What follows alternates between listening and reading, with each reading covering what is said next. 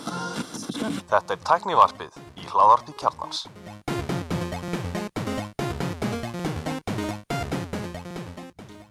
Komið sæl og verið velkomin í Tæknarpið Ég heiti Bjarni Ben Ég er Alli Stefan Ég er Gunnar Reynir Og ég heiti Axel Pól Þú heldur skrítið svona, ég kynni þinn Veist ekki ekki að Hvernig Hvernig lið Útastáttur eða Já, það Rosalega flott útastrætt veist það ekki En það var nú útastmaður Já, ég fæ alltaf svona, ég er glúin að segja það Ég fæ svona getur betur fílingu hérna þegar allir er að kynna sig sko. Já, Svona draumi sem fékk aldrei að upplifa Fæ að upplifa hann En þú hér, fáið svona skildi hvernig væri það? þetta er náttúrulega sko, við erum alltaf að kynna okkur og oft voru margir þættir sem voru alltaf sama að koma alltaf sömu, en nú er þetta svolítið rótarandi Já, það er búið að vera svolítið rokkandi fyrir þættinum já, já Ég held ég að einu svona það kynnt og það var þegar við vorum með einhvern leikja um fylluna þátt Já, með Biba Já, einmitt Já, það er náttúrulega aldrei í sögu tækminn einhver kynnt þáttinn þegar ég er í þættinum áður Já, þetta er fyrst Er þetta fyrsta skipti? ég held að, Shit þannig að þetta er, þetta er hérna, þessi er fyrir sögubækunar Já, Tímamót Nú er þú bara í aftursætunni í þessum þetta Gulli og, og mynd örglega samt drikja aðeins í hambúrsuna frá ég, aftursætunni ég er bara spenntur, mjög spenntur uh, backseat driver Voru eitthvað búin að útskýra fyrir hlustendum af hverju Þetta er svona, eða hva, hvað er að gerast? Já, kunnulegur vitum við okkur hvað er að gerast Ég er ekki Nei. viss um það. En tökum aðeins, hérna byrjum bara á hérna, máli máluna, það er fítið Við erum núna á uh, fítinu hjá kjarnanum sem var auðvitað fyrsta fyrirspil sem við fengum eftir fyrsta þáttinn hjá kjarnanum af hverju eru ekki eigin fíti Já, er búið að laga það? það er búið að það fyrir allar, allar nema þá sem erum bara með Google Podcast og nota bara Google Podcast fítið Já, við, sérst, það tekur eitthvað aðeins lengri tíma fyrir sérst, Google að- að l- leipa okkur inn uh, en þetta er komið inn í Apple Podcasts og Overcast Podbean sem er plattformin sem við erum að nota það er líka með sér app sem heitir bara Podbean og það er komið upp og streymið er unni þar og það er hérna lítill vefur hérna bakvið en við setjum upp okkar eigin vef með vefstjórum tæknarfins sem eru, sem eru fannar Áskjönsson og, og hérna Vöggur Mar menn það ekki að það eru leitar að tæknaherpinu þá sérðu gamla merkið það er kjarnafítið en nýja logoið þá ertu komin á Já, Á og nýja kannski bíl. sjáta þetta á Valla fyrir nýja logoið, mjög ánægð með þetta Já, virkilega vel hérna. mjög flott Þannig að það er allt í gangi næst á það sko er bara nýtt intro það ekki Jú, er, Allir ég er þessi- þar, mér er alltaf svolítið vandum að heyra að bygga kynna okkur og hérna, ég er mikla tökað til hans bygga okkar við sem, munum ekki byggja bara til að tala inn á nýja Já, ég geti gert það ég held að það veri bara viðandi Já, Þess að þetta komið hugmyndir frá honum Kristján Tors eh, um að við myndum hérna, beatboxa með Axeli og honum ég held Nýtt. að það sem eru tónlistumenn í, í hópum sem hafa gefið út tónlist þá verður kannski þeir framar í röðinni Ég halda það sko en- Þannig að fannar þar að gera allt sem sagt, út í nýja en fannar vef þarf og- að gera þetta það er aftur bara honum að kenna það svona fjölhæfur Já, já, svona er þetta Herði, við farið fréttinar Já. já, uh, Í síðasta þetta á tölu aðeins um Apple vs. Epic Aðeins Já, þessu smá þú veist ekki til þess að þú veist ekki þáttinn Nei, ég nefndi ekki Já, þetta er eitthvað ekki, ég ætla- ég ætla aðeins að leira þetta Þetta er Epic vs. App verslanir sem eru tvær Já, Sem í- þetta var í- samt svolítið sigri. mikið til höfuðs Apple þó að Google hafi verið aðna Greið Elmar var alltaf, ég, ég er sko líka að tala um Google Ég er rætt Já, já, ég myndi nú að segja að Play Store er náttúrulega hluti á málsónu en, en Google er bara rauninni ekkert að berjast nettvóla mikið á móti sko. nei og auðvitað alltaf vekja Apple fréttir meira það, veku, það, veku, það ve- það fer lengra fréttum það að App Store sé einhverju slagsbólum heldur en Play Store En er eitthvað búið að gera síðan í síðasta þætti? já, Ég það er var ekki neitt búinn follow að up fylgjast frétt en það eftir- glemdi eftir ykkur að síðasta. setja hana í dasgrána Nei, ég það var veit ekki hver hún var Nei, það var ekki Apple að kæra á móti Nei, já, Apple var sérst að setja fram skadabótakröð að það sérst að Apple hafi, hafi, hafi sérst hlotið skada því að e, Epic hafi brotið skilmála App Store þar að segja þau eru ekki að fá 30% af þessum V-Bucks, eða hvað sem þetta heitir V-Bucks V-Bucks sem er náttúrulega eh, sérst, e, hérna, Fortnite er að selja talsvert háar upphæðir í hverju minnsta manni, heldur sér, einhverjar miljónir dollara ég man sko, maður ekki hvernig þetta er í dag ég maður þegar Fortnite var á stað þá voru tekjunar 500 miljón dólar á mánuði og það hefur komað fram núna að uh, App Store á 20% af sölu Nei, V-Bucks, 12, nei 12% já, fyrir 12% 12%. Og Þetta er allt náttúrulega innappi að þetta er náttúrulega free to play og hefur alltaf verið það ekki? jú, jú. þannig að þetta er náttúrulega bara við vorum ekki rökur eh, mínum að ég er þetta stærsta teknir mér dásið þessu upp á vissu marki en, en þetta er náttúrulega spennandi bara, ló- kannski andri, hún varst að leða þetta og hann er lögfræðingur já, já. það er mikið það, sagt það segir svo mikið með þessar deilin Mér finnst ekki spennandi, ég sést, fyrir utan alltaf mér mér finnst alveg eðlægt að við opnum á þetta og tölum um það en ég held að þetta sé ekki droslega spennandi fyrir það kemur ykkur svona juicy dómur Nei, það sem, það sem er spennandi við þetta og sem maður býður eftir og vonar er að þetta var fyrir rétt og þá fóður að leka út alls konar upplýsingar munið eins og með Samsung Apple deiluna eða flesta sem vitum eins og hvernig hönnun iPhone-num vitum frá þeim málverð Ég held að Apple sé mjög opið fyrir því að sleppa smá sneiða þessum V-Bucks fyrir það að þetta færi ekki fyrir þetta er samt svona prinsipmál fyrir Apple sko. Þú veist, þetta er, þeir verða að taka hann að slaga ef þeir ætla að halda þessu 30% kött í sínu sko. þannig að ég held að 30% köttin alltaf af þessum in-app purchases eru náttúrulega því að leikir eru að fara í free-to-play mótlið þannig að það er ekki koma af nulli þannig að megar fauklum þess að það sé koma Já, af ég, þessu. ég verð að segja það að, að hérna hvað heitir þetta frá Apple hann að leikja leigan hann að Arcade Arcade. Já. ég hef verið rosalega vombrið ég veist þetta svo mikið svona einhverjir jaðar indie leikir sem einhvern veginn allir voða þunglindir og svartkvítir og flottir að þú veist það er ekki ennþá komið leikur þetta fyrir þannig hann astanlega hann að krikkatleik og gólfleikin þetta er einu tvei leikir sem ég er nætt að spila það var rísstofleikur að koma nú út um daginn Þessi- ekki eitthvað Beneath the Steel Sky jú en þú veist er ég, er ég að Ég fyrir að verð að- spila já það síma ég meina, hann lokaðu sko ég samanlega því en er- Orka Findalóra spilar hann í einn mánuð segir baklæðning, Já, ég, en ég er kemur alltaf, aftur ég er þegar alltaf nýleikur að sjá kemur, þú fílar ótrúlega áhugaverða indie leiki hvað heitir þessi núna sem var á Playstation sem allir er að detta hann að Fall Guys Akkur er hann ekki á Apple Arcade? ég veit ekki, Ég meina, akkur er, Eh. Er er hann það ekki, Hann er ekki Nei, neinu af hverju- mobile platformi ég- Hann já, kemur hann- í Kína ó Ég meina, akkur kemur, hér- hérna eru 100 miljón dólar, láta okkur fá hana leik Rífið þetta upp, skilur, gerið eitthvað en Þetta er allt eitthvað svona rosalega arti, farti, indie flott, skilur, þetta er svona flotti leikir út og búa til leiki, það er svona margt annað töf Ef ég er, skilur, stræta og langar að grípi leikir fimmyndir, akkur er engi þann leikur í Apple Arcade? Það er alveg nokkru hann leikir Svo Grindstone til dæmis Grænstun ekki, brú Það er En svona hal- haldið þetta eigi að vera bara svona indie platform að því við allir vorum að tala um þetta náðan að hérna, það er engin svona trippulegi leikir á Apple Arcade en það er samt spurning hvernig það verður þegar að uh, allir makkarnir eru komnir á armörgjörfa og það verður kannski sett aðeins meira púður í þetta að, að gera þetta alveg platformi, gaming platformi ég er alltaf indilegirna bara, þú veist, þau eru ódýrari skilur þú veist, þú farið enga sko aðalástunum þegar trippulei leikir kom ekki á Apple Arcade er að þegar trippulei, ég ætla að voru að tala um þetta ekki trippulei leikir eru 170 gigabæt þannig að ég veit ekki hvað er allar innstallunum skilur, þú Já. veist þú veist, það ætlar að fá nýja Call of Duty leikin ég held að þú getur alveg spilað hann á eh, Apple plattform eftir 1-2 ár, skilur bara aflega séð, ég menn iPhone eftir 2 ár með skjákortinu ætti að ráða við hann í kannski aðeins lagri gæðum mm. en þú veist ekki með pláss fyrir það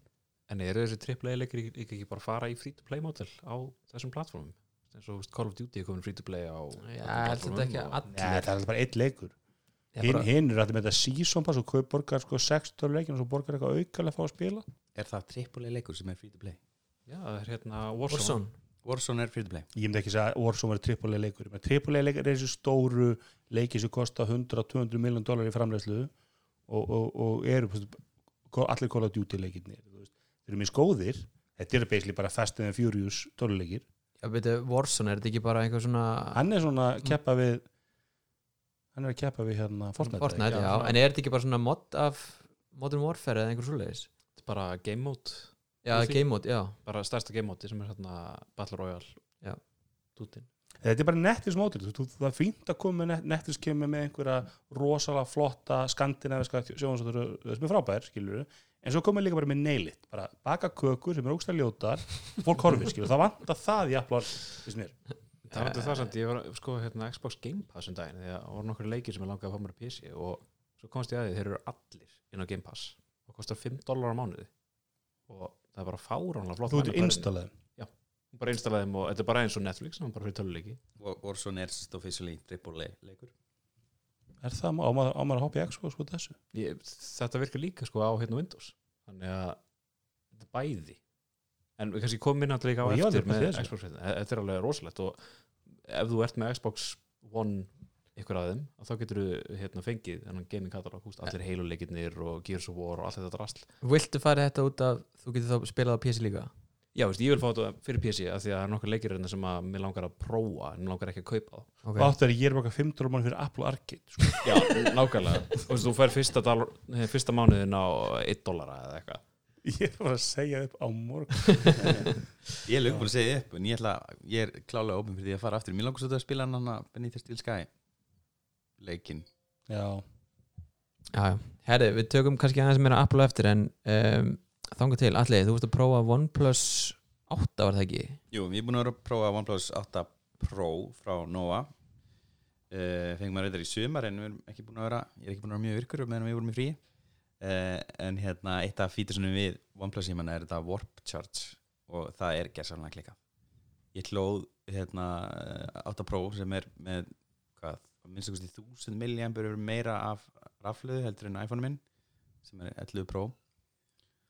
og hann bara malaði iPhone-in þetta var uh, rétt yfir klukkutími í fullalhæslu það var bara ótrúlegt hvað ertu fyrir, úst, hvað færið fyrir korter? uh, býtum við, ég er hérna með Þú varst með þetta þarna á Instagram story teknaupsins, þannig að ég mæli með að fólk kíki þar inn Það er vantilega komin í highlights eða ekki? nei Sko, Það verður komið þegar um þátturinn kemur út já, komið um það þátturinn kemur út Samfélagsmiðla stjóri, teknarhafsið að taka þetta að sér Hver er það? Þú? Já, Ok Hvað var það? OnePlus 8T Pro?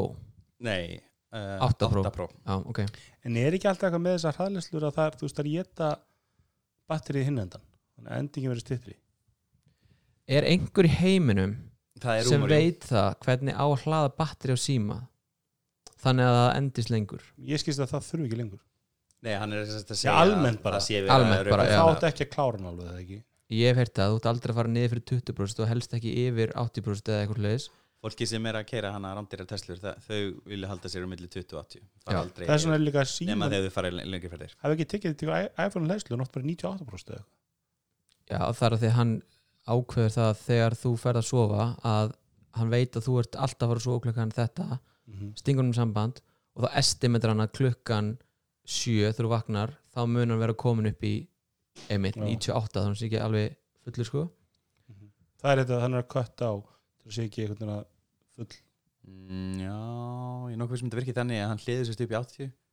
já ég held það, og svo bara hættir hann Já. og sérst, held ég þremur tíma án og vagnar þá klárar hann síðustu 20% já ég held það sé þannig og sí- síðustu 2% eru bara erfið Já, en þetta er- þetta er frábær fítus ef það er mitt, þú veist, bara ofta að hoppa gleymir að hlaðan eitthvað og þarf, þarf bara 20 minnur, geta fengið bara þú fari hérna 28% á kortri en haldið mig var 59% Það er hóðslega og sama tíma þá var iPhone-in í 36 en það er hann að eftir fjög, fjögur korter eða þrjú korter seg, 45 myndur þá er OnePlus komin upp í 85% og menna iPhone-in er fim- í 53 Já. það er rosamur Ég sá eitthvað greinum daginn svona í hendingu þar sem var að tala um að það sé mjög óumhverfisvænt að hlaða með svona G-chargers já, þrálist hann alltaf sleppir svo mikið, svo Já. mikið tap sem að mjög áhugaverði vingill á þetta því nú verið að setja þetta uh, allstar þessu öll fundarherbyggi vinnun er að fá þetta á eitthvað svona Ég ætla skjótinni að hérna T-Charge sem þú keftir íka og kvartar mikið og enda hjá mér hefur dótti mín notaður nekra mánuði hún kvartar yfir öllu ekki satt múku minnan T-Charger sko, bara svínvirkar já, ég held maður þurfi bara að komast upp á lag með hann hann hefur verið bara fín hjá mér núna síðustu mánuði en Ertu það hann þessu líka? Já. Það var allir sem er- Nei, nei, ég var að töðu um ég, ógæð Þú lest við fá þinn já, ég gæði minn Já, já, já En þess að ég átti 5 dólar svona frá AliExpress að vera hann að vörugildin komu hérna, inn- hvað sem þetta heitir hérna 13 skallin eitthvað og hann er upp í, ég meinti hjá gagnættinni borðinu þar og hann bara sló aldrei fylgbúst og meðan íkækurinn var bara á fullu að slá Ég er saman, ég er með eitthvað sem kostaði- Já, 2-3 dólar ali og hann er bara á sköpunum minu og... en hann hleður svolítið hægt ég tek eftir ég kannski ef, ef að síminn hleður ekki nóttin eða eitthvað þá þarf ég að steinu snúri því að þú veist ég er aldrei að fara að fylla síman á þessum hann er rosalega fyll ef hann er í 100% í kem, þá er hann í 100% í fer en varandi hlæslumál langum að segja að þú áttir rauninni að nota sellunar eins oft og þú getur eða, sem sagt, eða þá parta að batterinu því að þú ert alltaf að eða þú ert alltaf að halda þér hana í 50 til 100 þá er sá partur af batterinu sem er sérst nála topnum hann er orðin lélur og veikur og meðan að efnin sem eru neðar í batterinu eru bara mjög hress þannig að þú áttir rauninni að nota allt batterið mm ég heyrði einn daginn sem var að köpa sér nýja síma og hann fór heim og hlóð hann allan í 24 tíma og svo leta hann alveg degi og fylgdi öllum reglum sem að lærði hérna 2002 eða eitthvað já, einmitt og það er alveg tíu ás ég heyrði að þetta væri þú veist þetta er gert í vesmiðin í dag til þess að búa til topp og botn í batteri það er já, ok þú veist, þetta er bara gert þar það er búið að gera þetta fyrir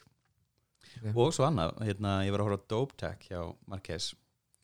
uh, og hérna, hann var með einhverja svona hlæslumatum sem gekk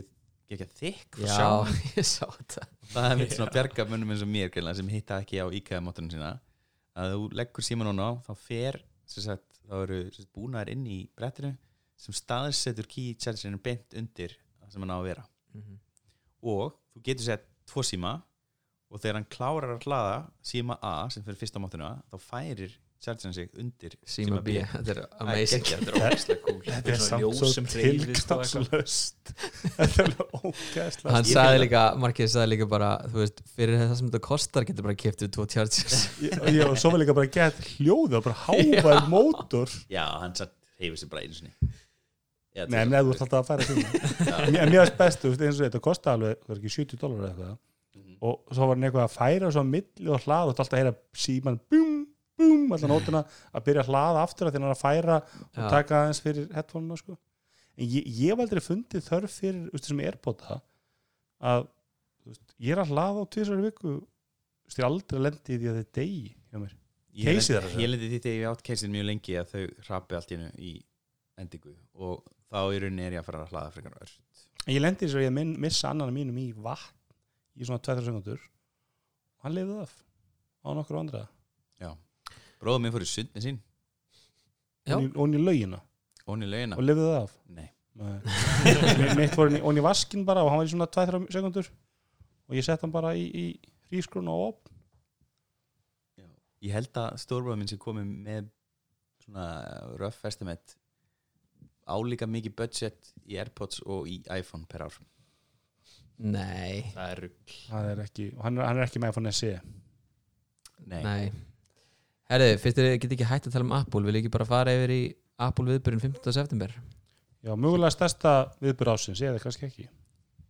sennilega ekki Nei, Sko, líklega ekki eh, sem sagt, John Prosser hérna, hann fyrir að- með byrjunni, þeir kynntu þessast viðbyrð Mhm. sem er hvennar Hann er á þriðudaginn, Á 15. þriðjudaginn. september sem er ammælistæður áskonum minnar þannig að ég mun missa af þessu eða hún kemur með þér að horfa viðbyrðum okkur romantísk date Rosalega ólíklegt ok, bara hugmynd Já. það allar hugmyndir eru góður hugmyndir, Já, ekki þessi ekki þessi, nei viðbörun heitir Time Flies Mm Það hefði sérst verið ormur frá John Prosser sem er svona Apple leka maður eða, þú veist, eða bara leka maður í höru, hann er líka að taka Google tæki og fleira um að það myndi koma tilkynning um nýtt úr og hvað var það, eitthvað eitt viðbót iPad, iPad, iPadin, já, iPad Air já það er bara, hann sagði reyndar held ég bara iPad þetta er þessi iPad Air sem er búið að tala um í, í allt vor og sumar já, og hérna sérst, og Görman, Mark Görman þeir eru svolítið svona að keppast um að hverju betri ég að leka og hann Mhm. er hjá Bloomberg og hann segir að, að það sé ekki sens að, að það sé koma frétta tilkynning bara með þessum tveimum tækjum Að það sé bara aðdöðu question kynning minnur já, eða sérst frétta, nei hann segir sérst Prosser segir að það sem kom í fram í gær Mhm. það átti vist að vera bara frétta til- tilkynning með já, tveimur já, það væri bull Já, Já. Þessi, nei, þessi process sagði það Mar- Mark Örman segir það sé bull og svo, kem, svo hefur Mark Örman rétt fyrir sér og þetta er í rauninni bara Apple event og svo segir Mark Örman í kjálfærið því þegar að Time Flies er komið í loftið að þessi viðbyrju verði einingus fyrir Watch og iPad Já, og þá það er nýjasti orðanarminn og hann hefði nú rétt fyrir sér með þetta með þetta væri ekki frétt tilgjöning getur maður að lesa í nafnin þá að annars vegar það time flies, það er náttúrulega úr Já. Mhm. og svo náttúrulega 10 ára ammali iPad Er það? Já 2010, þannig að þú veist er að fara, er að, fara að ko- en time, sko, time flies in the iPad Air já, en er- þessi iPad er með orðrúmin og ef maður horfir bara á hvað þeirra er búin að gera síðustu árin að þá er erinn hann er gamli prófin og núverandi er hann er, er hérna iPad Pro frá sem ég á Þetta er nákvæmst sem ég var að tala um daginn Þetta er orðið svo flókið með alla þessa iPada Þú veist, Hvaða mótil á ég að kaupa mér? það er svona efna á Ég Ég myndi bara kaupa hann ódýra- points 10,2 dómu á 60 skall hann er bara frábær en þú ert að fá að þú missir á minn Pro versus iPad Air núna þú missir skjáin, það er ekki eins góður skjár mjög Mhm. góður skjár en ekki eins góður og þú missir hátalarna í grunni og orður mér núna er svo að það verði ekki Face ID heldur verði Touch ID í eitthvað svolítið í skjánum eða jafnvel í kantinum eða eitthvað og það stríðir svolítið gegn þessu af því að Apple er ekki að fara að hanna nýtt in-screen Touch ID fyrir Það einhvern kæmi iPad á Pro ég er sem sagt það, það, bestur hún er að taka bara gamla iPadin Mhm. sem þeir eru búin að selja á 799 dólar sem allir á og selja hann nota sem við smuðuna, selja hann taka kannski ykkur 2-3 dýra hluti úr honum og selja hann á læraverði ekki gera neitt meira fyrir hann annað en bara kalla hann er Hvað Já. er það að taka út annað en fyrst að því? ég, ég, ég hugsa að myndi taka, taka hátalarna líka og ég sem myndi taka skjáin, það verður ekki sko skjára á hann kannski ekki sami örgjur Samt sko iPad eh, er, það er alltaf betur örgjum, en það er betur er, örgjum er í með nýja er A12. já, nýja er er með betur örgjum en minn þinn er aftur hver ég á bara 10.15 með Pro já, Pro sem er Það er þarna kynslu 2 af iPad Pro litla já, s- síðasti sem er með hnapp já, sem, sagt, sem þú ert með allir, iPad Pro það er hvað, þriði kynsluð af iPad Pro Já, lit, þriða kynslu af og litla saman við sáum með SE, ég menn SE er ekki með einu nýju, hann er bara með þú veist, myndavélun og örgjur þannig sem þeir breyta þú veist, þeir eru ekki að setja in-screen Face ID, Touch ID eða, eða, eða taka hnappinu burt það er ekkert svolítið, þetta er bara sami síminn var alltaf verið, bara uppfara uppfara í nórsið En Það er þrálaður orðrumur um en hann hliðar Touch ID taka Ég eiginlega bara kaupa það ekki Ég, ég hef notað þess að hliða taka Sony var alltaf með þetta Þetta er og glas Samsung ég, ég myndi segja hitt mikið Samsung. meira sem það væri innscreen in, þá væri þið kannski að prófa sér áfram fyrir einhverja framtíðar iPhone og svoleiðis mm -hmm. þú veist, en í takkanum ykkar ekkert sens Nei, T- af hverju er iPad Air til? bara miðju punktur í verðinum nei,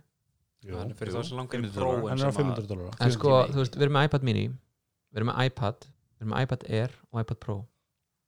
iPad Air er sexy hann er basically pro lookið fyrir minni pening Mhm. Ok. þú ert að fá iPad hans alla fyrir, fyrir 300 dólar minna nei, samt ekki, þú ert ekki með þarna sem er edges og svona Nei, en þú sittur að kaffa þú svona að sér það enginn skilur. hann lukkar eins og, eins og... Já, nei, hann, er, hann er betri heldur en ódýr í iPadin en Já. hann er verri en próin skilur, bara fittar mitt að milli hvernig er ég að kaupa? er, ég, ég er Já, svona ég, ég spennt, myndi bara beða þessum er nýja ég er mjög spennt fyrir þér. ég er með tíu hundum og ég er svona þú veist, komin að þann punkt að ég nenni eiginlega ekki að skipta um batteri í honum það kostar alveg 30 skall eða eitthvað og ég nenni eiginlega ekki að, að kaupa liklabor fyrir hana því að þú veist, hann er að degja út ég er svolítið spennt fyrir nýja ok ég er sko með iPad mini 1 Úf. það er rosalega brekka já, hann virkar ekki neitt nema bara Netflix sko og það er líka einu sem ég nota hann í en hvað fær ekki bara iPad Air 5 þá nei, iPad mini 5 ég ætla bara að fá mér nýjan síma þegar það kemur Já, það er að fara í Max uh, nei, það hugsi ég ekki Ok. ég ætla bara að láta það koma í ljós en tölum að setja um úrið um, betri örgjörfi, súrumnismettun betra sleep tracking sleep tracking á núverandi úri eða sko, sem er í betunni já þess að þú þarft samt ekki að vera með betun á úrun til að nota það, því ég er með bara iOS betuna mm -hmm. og það er komið sleep tracking inn í það sem að úri les Ok, verða ekki að lesa bara bedtime eða eitthvað svoleiðis nei, það held ég ekki En ég meina, það lítur að vera sleep tracking app í úrinu til þess að mæla svefn það er bara gegnum health að það er inn í health appinu sko og hefur helf alltaf að mæla þá sleep tracking eða? held hefur verið að mæla þessast hreyfingar og það er hægt að þú veist, búa til app sem lesur þeim gögnum og byrtir þau einhver meginn myndrætt það er það sem þessu upphaf er að gera sem við höfum verið að kaupa Eins Ég og fá það auto- bara frá helf Já, þau fá það- þau fá það í rauninni bara frá skinnurinn frá úrinu og held þetta safna þessu saman eitt stað Ert þú á betinu, Axel? nei, ég er ekki að betinu hann er ekki geðveikur eins og þú og ég Sko, ég held að þessi beta erði hræðileg, sko, þannig ég beið í svona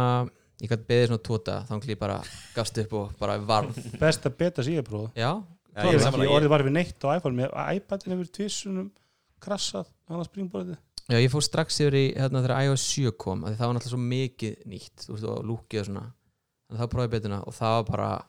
batterið duði, þú veist, ekki halvan dag og alltaf að krassa og þannig að ég var alltaf beðið, sko en svo voru nokkur sem að, voru í kringum mig sem voru komin á þetta og ég bara, herðu, fokk it, ef að þessi gaur eru að koma á þetta, þá bara, let's go Mhm. en já um, Apple Watch Series 6, þetta verður svo einhver smáælega uppfærsla Mm, það er ekki víst þú veist, við vorum að ræða þetta hana þegar að John Prosser er að segja að úrið og iPadinir verði bara kynnt með frettatilkningu þá vorum við byrjað að spá í því hvort þetta væri bara þú veist, smá breyting þú veist, og þess vegna myndir hendi í frettatilkningu en núna þegar viðbyrjun heitir Time Flies og, og hérna, við erum með 10 ára gamlan iPad og, og mögulega er bara þetta tvennt á viðbyrjunum þá er mjög líklegt að það sé útlits uppfærsla að úri fara í sama lúk og iPadinn og iPhone 12 munur þar í enga trú á því Enga? ég, ég held að þetta, að þessi úra skeli er bara eitthvað tíjara prósess held ég Já. heldur það ég hef enga trú á þessi að þess að breyta núverandi sker sem Já. kom með Watch 4 já, þú veist, þú ert með, þú ert með, hún er nána sama skilin og, og, og í öllum úr honum það er mjög þjálfað auðvitað til að sjá munin Það er rétt. þeir eru ekki að fara að slétta hliða þannig eitthvað, ég hef enga trú í því. mér finnst þess að það er svo lítið eitthvað víti og eitthvað viðburður sem er bara iPad Air sem basically þeir tekjar eitthvað iPad Pro me- með mínusvölda dót og úr sem er alveg alveg eins það hlýtur að vera þú veist, nýr HomePod, nýr hérna Apple, ný, nýtt Apple TV Ef við skal bara fara yfir það sem er rúmur eða orðramur um að munu koma annað hvort þetta séu tveir viðbyrjur eða einn Mm. eða þrýr Já, ég veit ekki með það, ég er pussingið ok uh, En sérst, ást- ok, kannski lókikinn fyrir einum en tveimur við, viðbyrjur er, er sérst svo að hérna, fjármennsturi Apple segir á eh, uppgjörs símtælum um daginn að hérna, það eru nokkra vikur uh, í iPhone-una frá því sem var í fyrra í fyrra koma iPhone-ar í l- síðustu vikinu september með mig já, á síðustu árinu Já, já, það er ekki alltaf viðbyrðatning þegar mann byrjar sætt að bæra svo tveim vikur setna koma þér í sölu ég Og er mynd, og að svo detta hafa verið hingað einhverjum svona rétt undantekningar fyrir fyrsta október? með tíuna og eitthvað svona Mhm. mm. og hérna sem áttunar komið fyrst út eða ekki, og svo kom tíðan eða var það högt nei, áttunar komið fyrst út, svo kom tíðan já, já, minna það er þannig já. eh, og núna sérst, Lúka bara sagði í hérna bara í ó- óspurðum fréttum að hérna það, það væri núna allan einhverja einhver, einhver vikna se- senkun, hann sagði ekki viku heldur weeks eh, og það, það geti verið sérst, þessi viðbröður tímasettur svolítið snemma þannig að ef það verið tvær vikur í iPhone sérst, sérst, eða það er senkun þá meikar það ekki sens að halda þennan viðbröð núna og það meikar alveg sens að þetta séu tveir Sérst, það komi bara annar iPhone viðbröð það hafa náttúrulega eiginlega alltaf verið tveir, eða mjög oft Mhm. með iPhone viðburðin í, í september og, og, og oktober er þá þessi hinn viðburði sem er svona alls konar aukadótið, þau eru vilja að Einmitt. flippa þessu núna það var samt alltaf iPad viðbyrðin mikið iPad sko, en það eru líka kynnt aðra græður þar sko Mhm. En það sem er orðanum um er, eru sem sagt uh, auðvitað iPhone 12-urnar og það verðist vera hérna nokkuð svona mm, solid leki um að miðjusímanir, tveir 6,1 tómu iPhone 12 og iPhone 12 Pro komi fyrst og litli iPhone 12 sem engin veit hvað heitir og stærri Pro síminn, eða sem sagt iPhone 12 Pro Max komi eitthvað litlu setna Þetta er alltaf flókið líka Já, þetta er reyndar sko mér finnst þetta mega sens að vera með lítinn og stóran, ég bara veit ekki við erum náttúrulega að hugsa því við erum svo djúpt í þessu að, að hérna 6.1 tómu iPhone-in sem heitir núna iPhone 11 að hann eigi að halda frá að heita iPhone 12 en litli síminn mun líklega heita iPhone 12 og svo mun 6.1 tómu ekki prósíminn heita iPhone 12 Max og svo erum við með, þú veist, skilja hvað þér frá er, það- er, er ekki myndur að tala með þessi þessi milli sími sé áfram þessi bud, standard budget sími Jú, ha, jú það er tveir þessi Budget. 6,1 tóma, hann verður áfram bara það eru tvær 6,1 stómur Það er pró, ekki pró með er þá þetta fjóri símar þá já, fjórir það símar. er, það er orður með þessi Já, hvað var ekki 5.4 sem er sér bara mi- litli símin Já. sem að hörður er að missa sig yfir og ég, hörður sem býr í Berlín, hörður sem býr í Berlín ég er með, ég er með sem, ég er, ég er bara mjög en er þetta að segja að þessi 5,4 tóma sími, hann verður kallar i- iPhone 12 en, m- það veit það enginn það veit það enginn, þú veist, en ég, ég efast um að Apple fara aftur í mini þess að Apple hefur ekkit, hefur ekkit verið rúslega hrifun að þeirra nálgun að segja af hverju eitthvað sem er hann minna ekki bara Pro en, en bara E. hann SE er ekki pró, sko hann er með, það er búið að leka út að hann er með tvær linsur, eða þú veist það er ekkit staðfest, en það er mjög líklegt að sá sími sé með tvær linsur já, iPhone E. SE iPhone SE, heldur það? er hann ekki bara Nei. iPhone og iPhone Max og iPhone Pro og iPhone Pro Max það mikið sens allana, svo erum við með, með hérna, eh, iPadinn, venjulega hann verður eitthvað breyttur, ég held að það verður bara speedbump eða eitthvað svoleiðis nýr iPad Pro, nei iPad Air í Pro lookinu nýtt Apple TV sem Gulli og Sverri eru búin að býða þér Svo ég, margir ég, ég bitir í er ekki Apple yngri, TV. ég er búin að býja þér Apple TV í rúmt ár nei, lengur, þú búin að vera að tala með þetta lengur ég, ég, ég er næstu búin að blengja þú skjánu því, þú bestu þú skjánu einmitt, það voru tvö og nú kefti ég mér sko 4K sjóma sjóma nú er ég alltaf að rokka á milli með Apple TV fjö, ekki 4K og þá alltaf ef ég segi eitthvað efni í 4K þá lít, og það er allt efni lítur miklu betur út á innbyða Netflix appinu allir mér í sjómafinu en ég þóli bara ekki að hoppa með til að tekja appa Þú veist, eh, vera að skrifa vill að fara á stötu þá þýr þess ekki aðra fjastringu ég er bara að býða að geta skipta þessu einbyða drastlu út en Apple, þeir eru ekki að spila með þá get ég allir fara á bland og fundið fjög og Apple 10 og 5 skall eins og sömur Vel Maður gert, er ekki Axel. stað. Heppin. já, Svo erum við að tala um þetta úr eh, og hérna það er ormur um að það komi eh, iPhone, hérna, Apple Watch SE Special Edition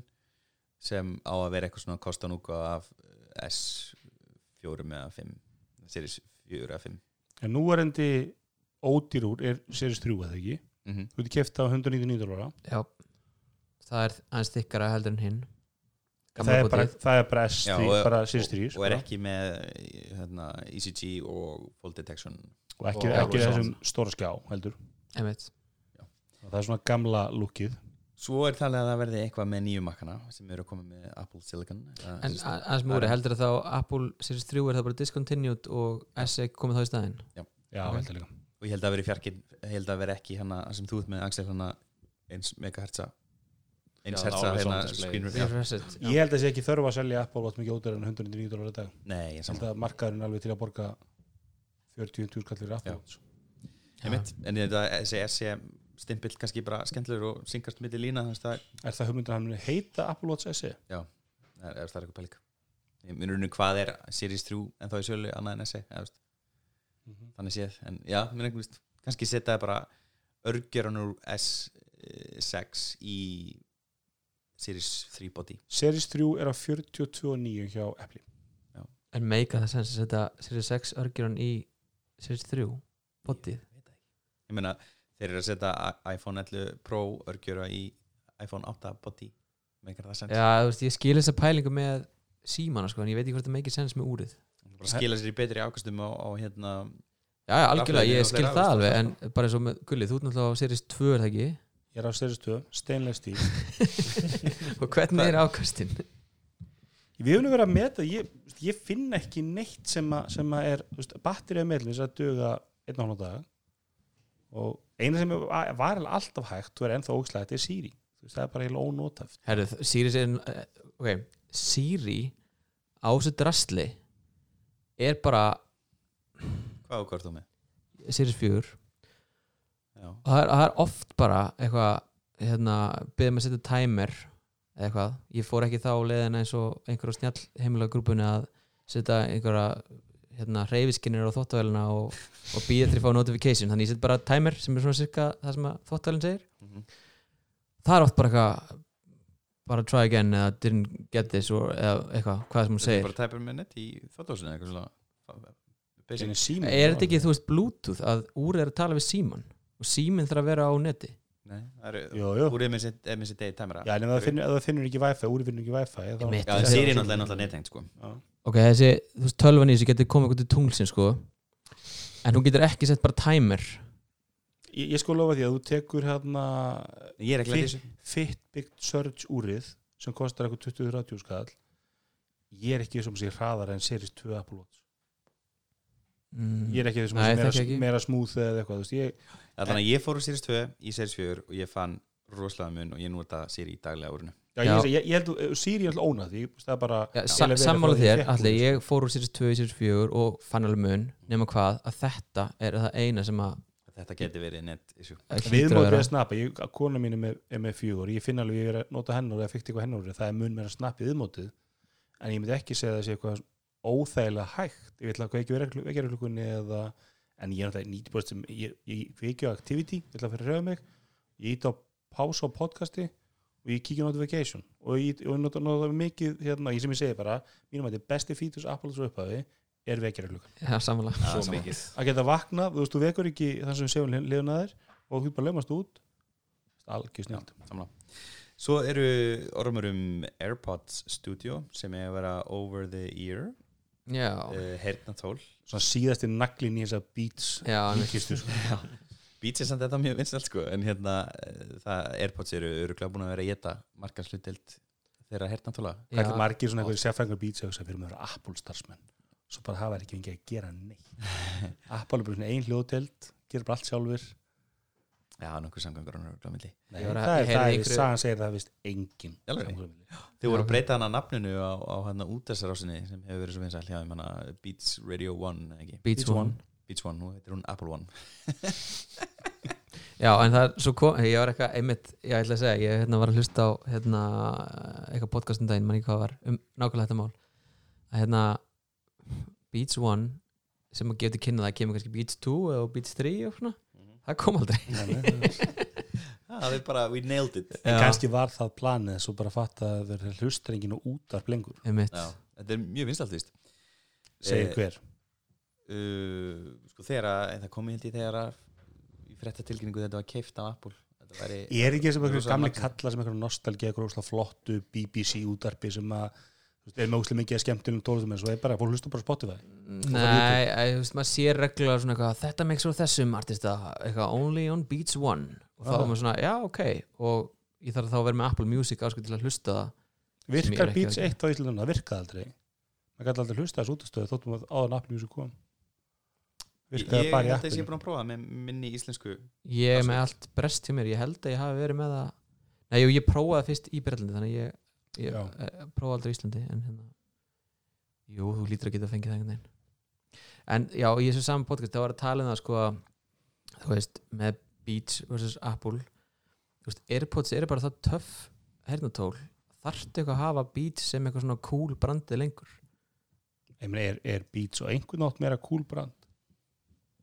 Já, það var mjög cool brand Ég meina, mjög Ég er ekki, þú veist, Beats hefur samt alltaf verið svona að það er ákveðin hópur sem fíla Beats Já, algjörlega, ég Sem meina þau- og þau fengu endorsement frá hérna, íþjóttamönnum og það var nú einhver gæði sem að, hérna, kom til landsins hérna um daginn, var með einhver smá tölu um þetta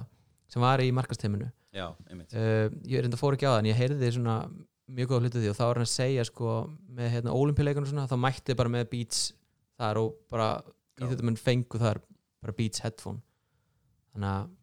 Mér finnst fengu, þetta mjög öflug markasending og Beats var Algjörlega. alltaf- Beats var Ég- ég komið farlega held að- markasending í heiminum Þannig að neymar auðlýsingin með Beats var einn flottast sem ég sé þá hann hitabröf fyrir leika á HM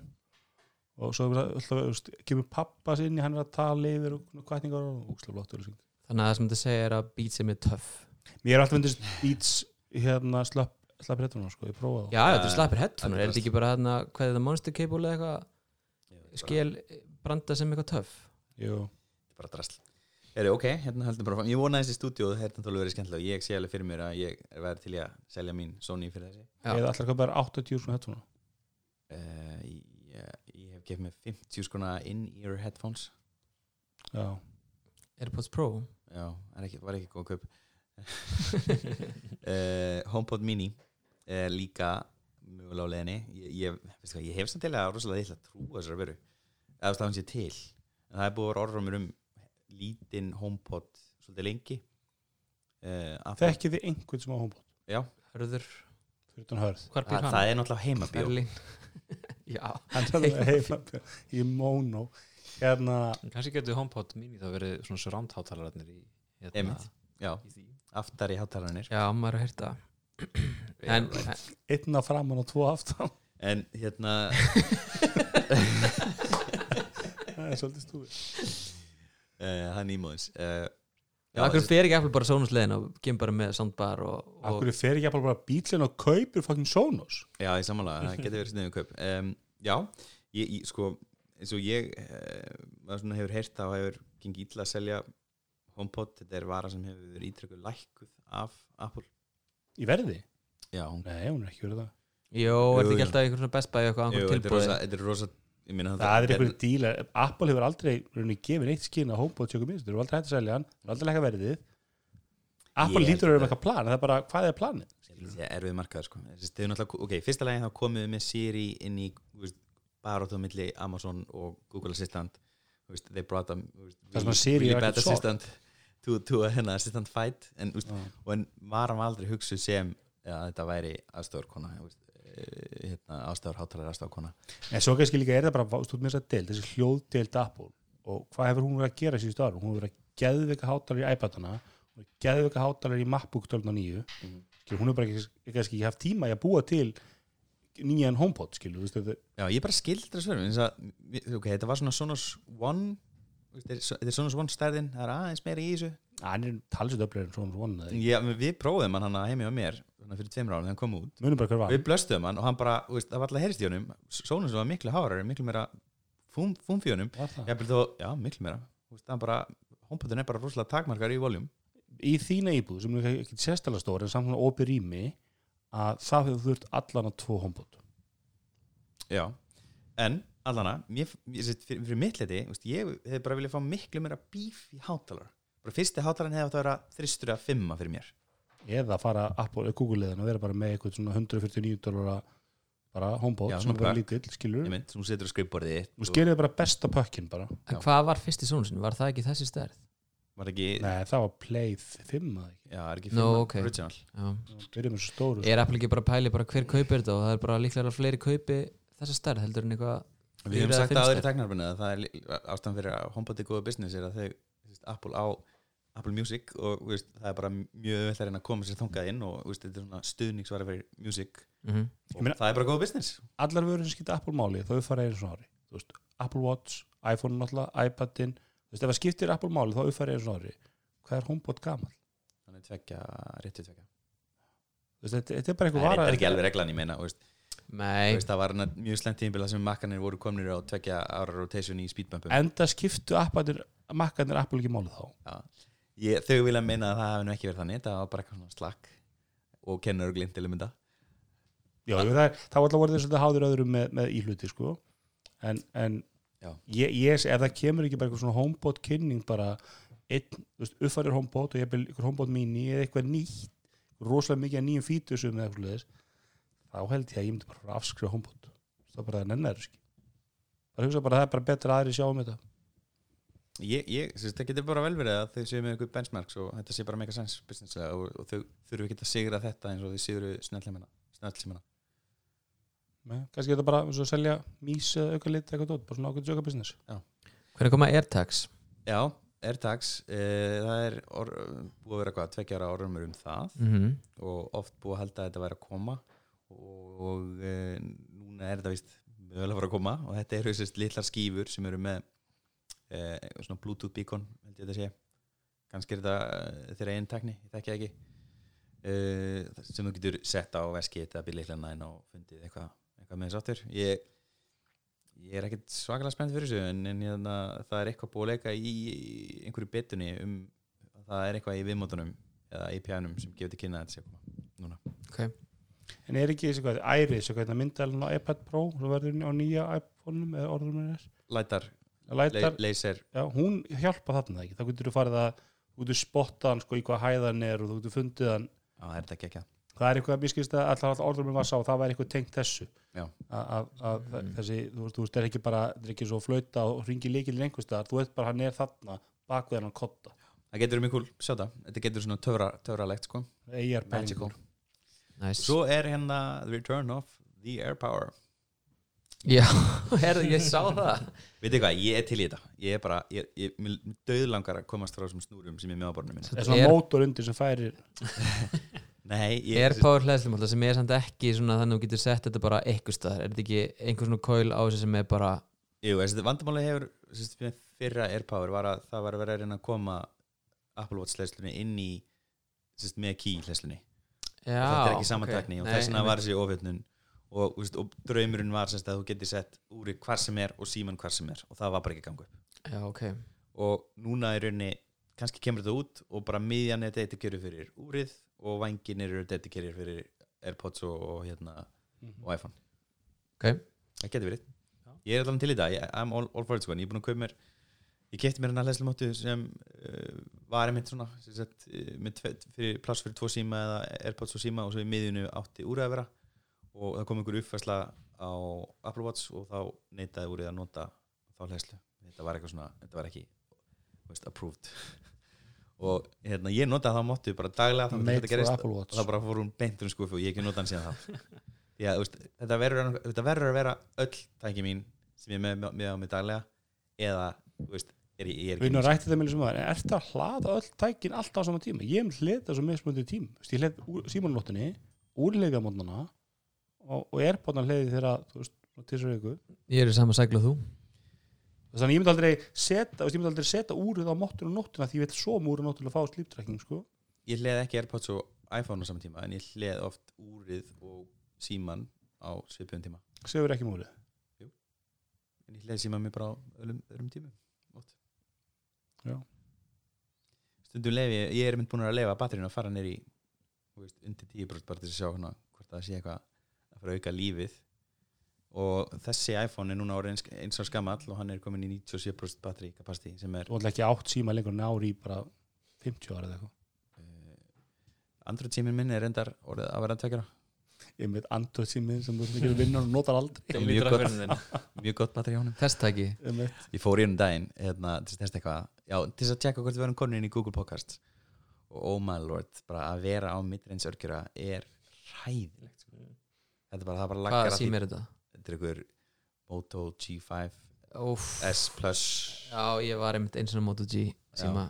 það er Rétt. vandamáli með þess að midrend síma það er midrend örgjör, bara eins og nýji pixelin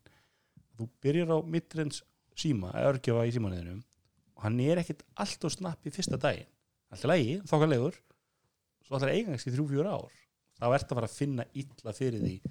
eftir þessi 3-4 ár félagið með þetta Moto G síma og þú veist, hann var bara kraftlaus að hann fekk hann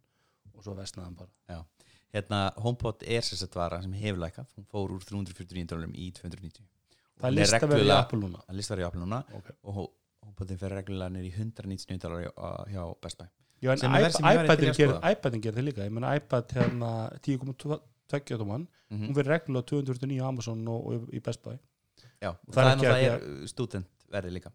Já, þú veist, en þannig, að- þannig að það er ekki sko, þú veist, að því að þeir selja ekki neitt af hann þetta er bara einhver strategi en, en ég meina, eins og ef, ef þeir eru að hóa í fleiri verkfræðinga til að búa til þess að hleðslu mottu skilur við það Hlöðum serðu bara, verkfræðingum á það, það, þetta það, það serðu bara forgangsvörn í Apple, þetta er bara einhverjum þegar virðist hombo að ekki skipta á máli Ég held að Axel sé að sopna, erum við meira Apple-dótin eða? Nei, eh, ekki Eh, að menna við börn Ok. Er það bara Axel sem er með Apple Watch og iPhone Já, sem ætla samt að segja eitthvað frá Android 11 sem er komið út sem hann er rosalega spenntur fyrir Skautum pínu í fótum með þetta, Elmar er ekki hérna Alltaf að El, hann vinna vinnuna Elmar er heima, bara, af hverju ég ekki í þessum þætti Það ætlaði að taka krass kors á þessu hérna á hann en Það er fínt, bara segðu bara eitthvað bull og þá er Elmar sko titrandi heima á sér þegar hann hlustar og mæti brjálaða næst Þú var að spyrja, hvað er tíminn? 47 Við erum búið með ein hálfa blaðsjöð af þremur blaðsjöð að þreifur við erum með 13 Ok blaðs okay.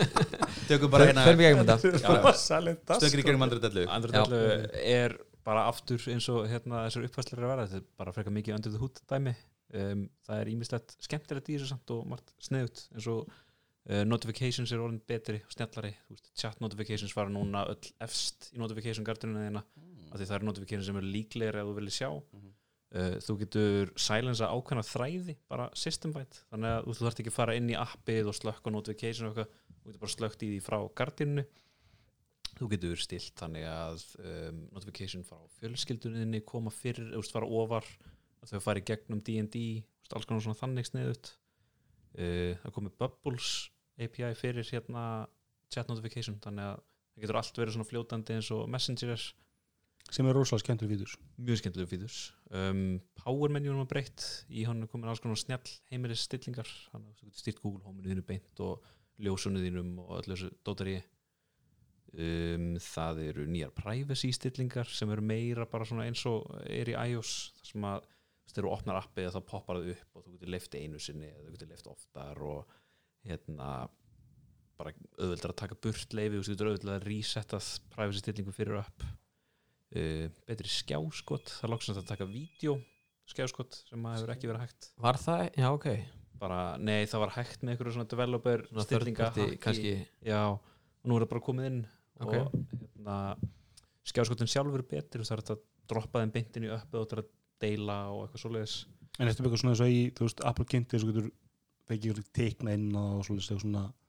Mm, ég bara veit það ekki, þú ert alveg að spyrja Elmar að því sko já. Elmar, akkur er þetta ekki með okkur í dag? Um, en svo er líka fullt af alls konar cool dóti eins og enn í hérna, accessibility stillingunum að það getur stýrt símanuðinum með Google Assistant og að rókast að flott hérna að marka þessu með vídeo sem að var að gera þetta og það basically segir hann bara við bara s- segir við síman bara opnaði Twitter, uh, postaði tweet og svo segir hann hvað átt að vera og svo segir hann bara back, back, home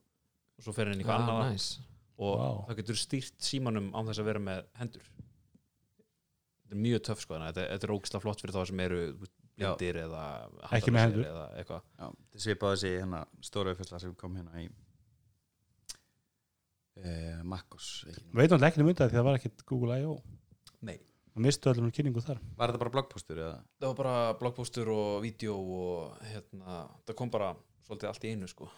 um, betur en alltaf búin að vera í gangi í svolítið tíma en svo bara droppa þetta og núna er líka uh, fyrsta skiptið svona almennlega er andra dellu er að fara á fleiri tækin bara pixelina, Þess, það er líka að fara inn á OnePlus símana, uh, Xiaomi síma Oppo, Realme, eitthvað svona nokkra í viðbútt, þannig að kannski náði svona 1% hlutdeild eða eitthvað, og það náttúrulega er orðum um, um Google viðburð núna í, í hérna byrjun oktober já það er búið að vera að leka símar hægri vinstri, það er hérna 4A 5, svo sem Fimma- stýri lekamæli með Google 5S. hann er ekki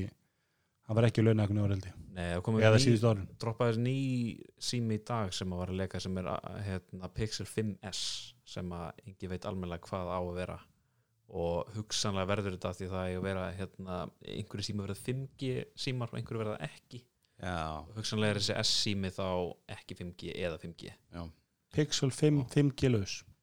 hugsanlega það er hérna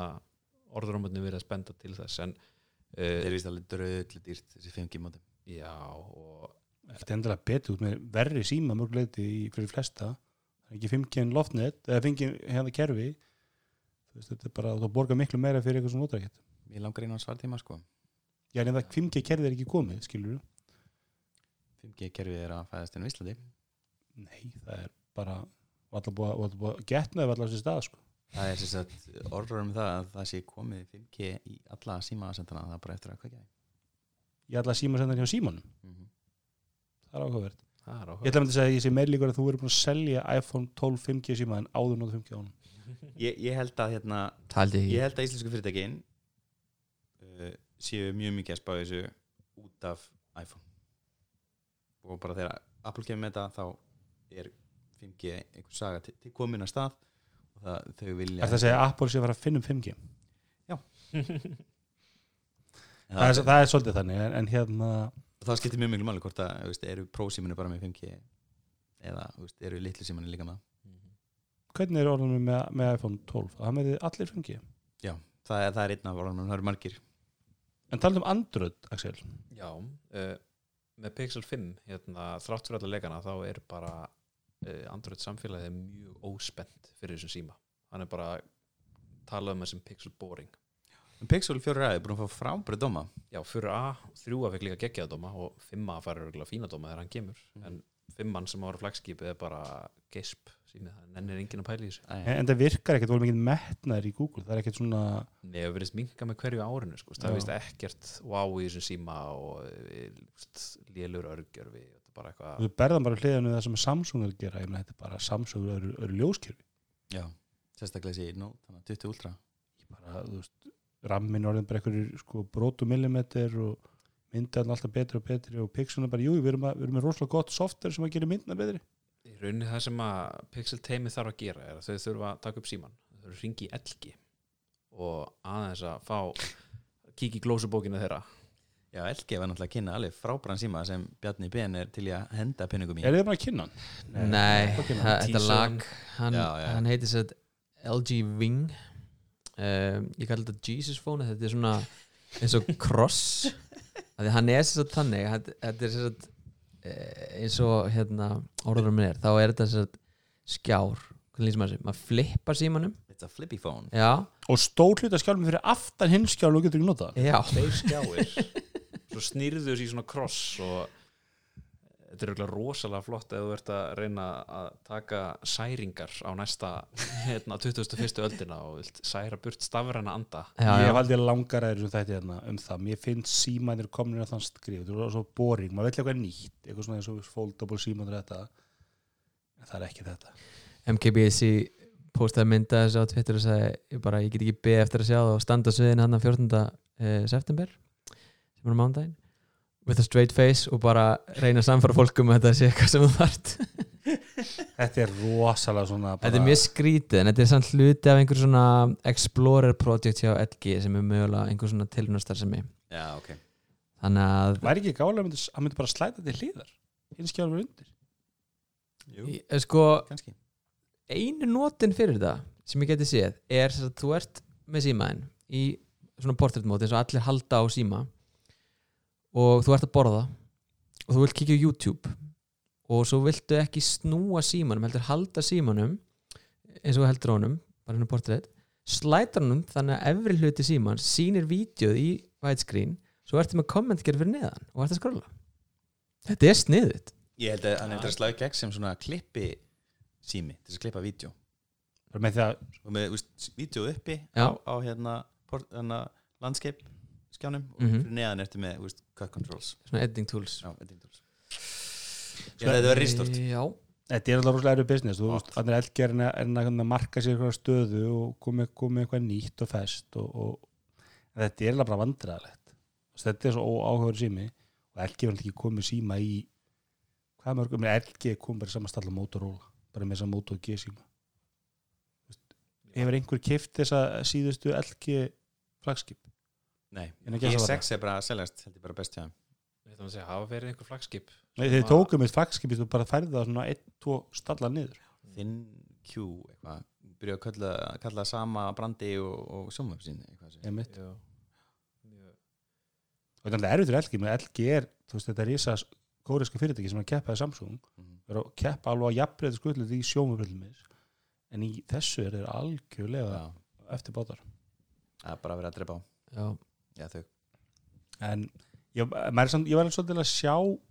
ræðuna, söluræðuna frá LG Ég get ekki Hvað er betur að sjá pitchið, þetta sko, emitt þú veist að því að ég horfði með þetta á við, viðbunum með hann að setja Flip 2 Ultra, eða hvað hann heitir Seta Fold 2, og 5G það var svolítið gaman að sjá þú veist, þeirra pitch á svona hvernig þú notar þetta, það var gaman að sjá einmitt Þú veist, ertu með eitthvað í eitthvað samlóku og komment á YouTube reyður og geta gert allt einhvern veginn ég veit Æðislegt. það ekki Er það næsta frétt? Já, ég er sem að hoppa hérna þessi yfir uh, leikjafréttinar geima það eins og klára hérna símana Já. uh, Sony Xperia 5.2 leikur Hæðilegt nafn Nú er þú mikill Sony maður Já, Þú Ég- áttir hérna græna uh, Sony Xperia f- Seta, Zeta. 3 og 2 kompakt Já, Græni held ég að verið Nei, átti ég fyrsta og annan það var Jú, reynda þetta daldið fyrsta næst var símar hann- já. Combat síma var geggjaður Það var geggjör, þú veist, það var eini, eini litli síminn sem var fullspekkaður uh, hérna, sem var ekki, þú veist, allir þessi míni síma voru alltaf bara með einhverju middreins örgjura en þetta, þessi sími var, að, var alltaf með góðan örgjura og svona þokkalega myndvæl en uh, ég átti þessi tveir seta tveir, tveir seta tveir kompat símar bilið á mér og ég bara gafst upp á Sony ég leist gjóttinni, bændurum við, Rósson fyrir eitt þessi nýja nafnagift er miklu betri það er bara að spyrja 1, 5, þeir eru með hann að 10 eða ekki líka eftir stærðinni, í staðum er þetta allt eitthvað X, Z, ZX XA, og maður veist ekkert Já, þú veist, það er þetta var alveg- flagskip, er þetta ódýri sími það var nafni saman ekki neitt einmitt, En verður þetta með Sony Xperia 3-3 vantarlega, einmitt. eða 1, 1, 3, 5 Uh, mér finnst Sony vera með svolítið svona skemmtilega hönnun en uh, það vantar alltaf mikið upp á softverið og það var svona greinlegt að þegar ég hana var að hætta með Sony síma að það var, þeir voru komin, Sony var komin talsvett langt aftur úr öðrum í því að, að hanna viðmótin ég meina Samsung setur bara, þú veist, þeir eru að selja S20 og hann er okkar 110 skall eða ekki mm -hmm. ég meina, það, þú veist, þú horfur á hann í, í borðinu í, í Vodafone þú ert ekki að vera að kaupa eitthvað Sony síma á svipaðan penning sem er miklu þykkari, miklu ljótari Það eina sem getur selt mér hérna síma er ef að þessi sími talar við Playstation 5 tölunum mína á einhvern svona proprietary hátt sem aðri síma get ekki gert þeir reyndu það náttúrulega Þeir reyndu það náttúrulega, þeir voru með hérna, gast, spila pleysirunleikina þeirna í símanum Ég, Það ég, virkaði ég geta á, bara iPhone-num Já, Nei, upphæði virkaði bara á Sony Já, já, já. síma svo uh, föttu er það kaupir engin Sony síma þannig að það virkaði ekki sko. En það er eitthvað svona í kynningarvítunum sem lag þá er eitthvað svona alls konar eitthvað for the eitthvað game og þú veist, það er eitthvað svona game enhancer mode þar sem getur eitthvað stilt eitthvað hljóðið og eitthvað bla um, sem er að koma með í alla þess að kínvísku síma er allir með game mode þannig að- Já, það er einnig svolítið cool myndalinn á þessu hún er með hérna uh, Carl Zeiss linsa sem að hérna, Nokia gerði frækt á símum hérna, í den já, Mhm. já, og það verðist hérna autofókusin á sér sé En- bara eitthvað mjög næs bara svona eins og á hérna alfa línni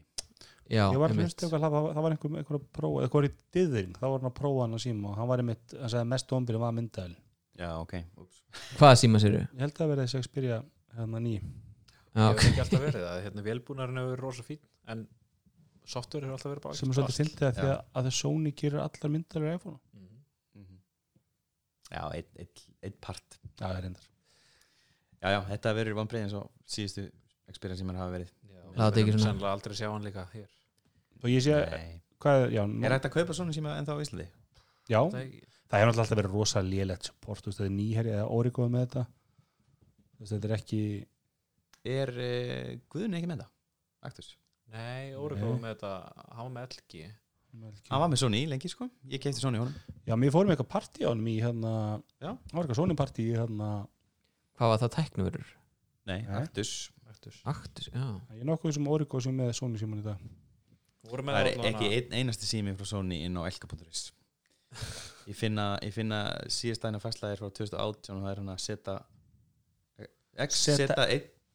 ég meit, er það flagskip eða budget sími? Eh, ég veit það ekki nei, það er einsist seta, nei, X seta premium var er flagskipið Eh, það stendur inn í lýsingunni uh, já, það var selt hjá heimkaup ég held að það er ekki ennþá, ennþá verið að selja hann já, þessi var rösselt hérna. það er ekki hægt að hérna, kaupa svona síma á Íslandi lengur ég var að fatta það bara núna það er 9. september í dag þið veitir hvað það þýðir það var rúmur hérna Motorola Razr 2 event já, við vorum Já. að býða eftir þeim viðbúri Já. hann er í dag þá það, já, samkvæmt orðrömmunum akkur er við ekki heima og horfa á hann uh, af því að þetta er bara svona smávægilegt spekkbömp líklega já, já. ég var spenntur að fá þennan síma ég heyrði í Origo og þeir Origo er með Moto hérna, umbúðið já, s- eru í samskipti við Moto því að Lenovo og Motorola já, einmitt uh, og ég held að vera einhverja líkur að þessi Razor sími myndi koma en ég hef ekki heyrt neitt og það er ekkert að frétta og ég hef ekkert frétta af þessum Razor sími þannig er ekkert, það er ekkert að tala Þessi um hann á original- YouTube eða neitt, nei. það er bara ekkert að frétta ertu hissa á því eða? ég mér finnst það svolítið cool já, ég var alveg hrifna þessu sko Ég var til að prófa hann sko en ég var ekki til að eiga hann nei, það væri mjög Gafst það töff líka- hann var einmitt rosalega mikið svona þú veist, hann er með svona degjandi brand annað degjandi brand sem er að reyna einhvern veginn að vinna sig upp og þau er eitt öllum pinningum í hennar foldable möguleika þannig að spekkarnir voru bara engið það var mittirreins örgjör, mittirreins skjá, mittirreins myndaðil mm. Ræðilegu batteri ræðileg battið, það var einhvern veginn allt léld við nefn bara, jú hann foldaði en, en við förum bara þessi kjartan fíliði þennan fold möguleika hann foldir svona eins og samlagu síma Já. þannig að sé bara meðrunni 6,5 tómur skjá eins og iPhone eða eitthvað og hann er minni í vasa ég veit það ekki Hann sé svona lengra upp frekar- frekar heldur að vera með síma sem er svipastór og síminn og hann foldar í spjaldtölu Ég veit það líka Ég væri úrstað til að prófa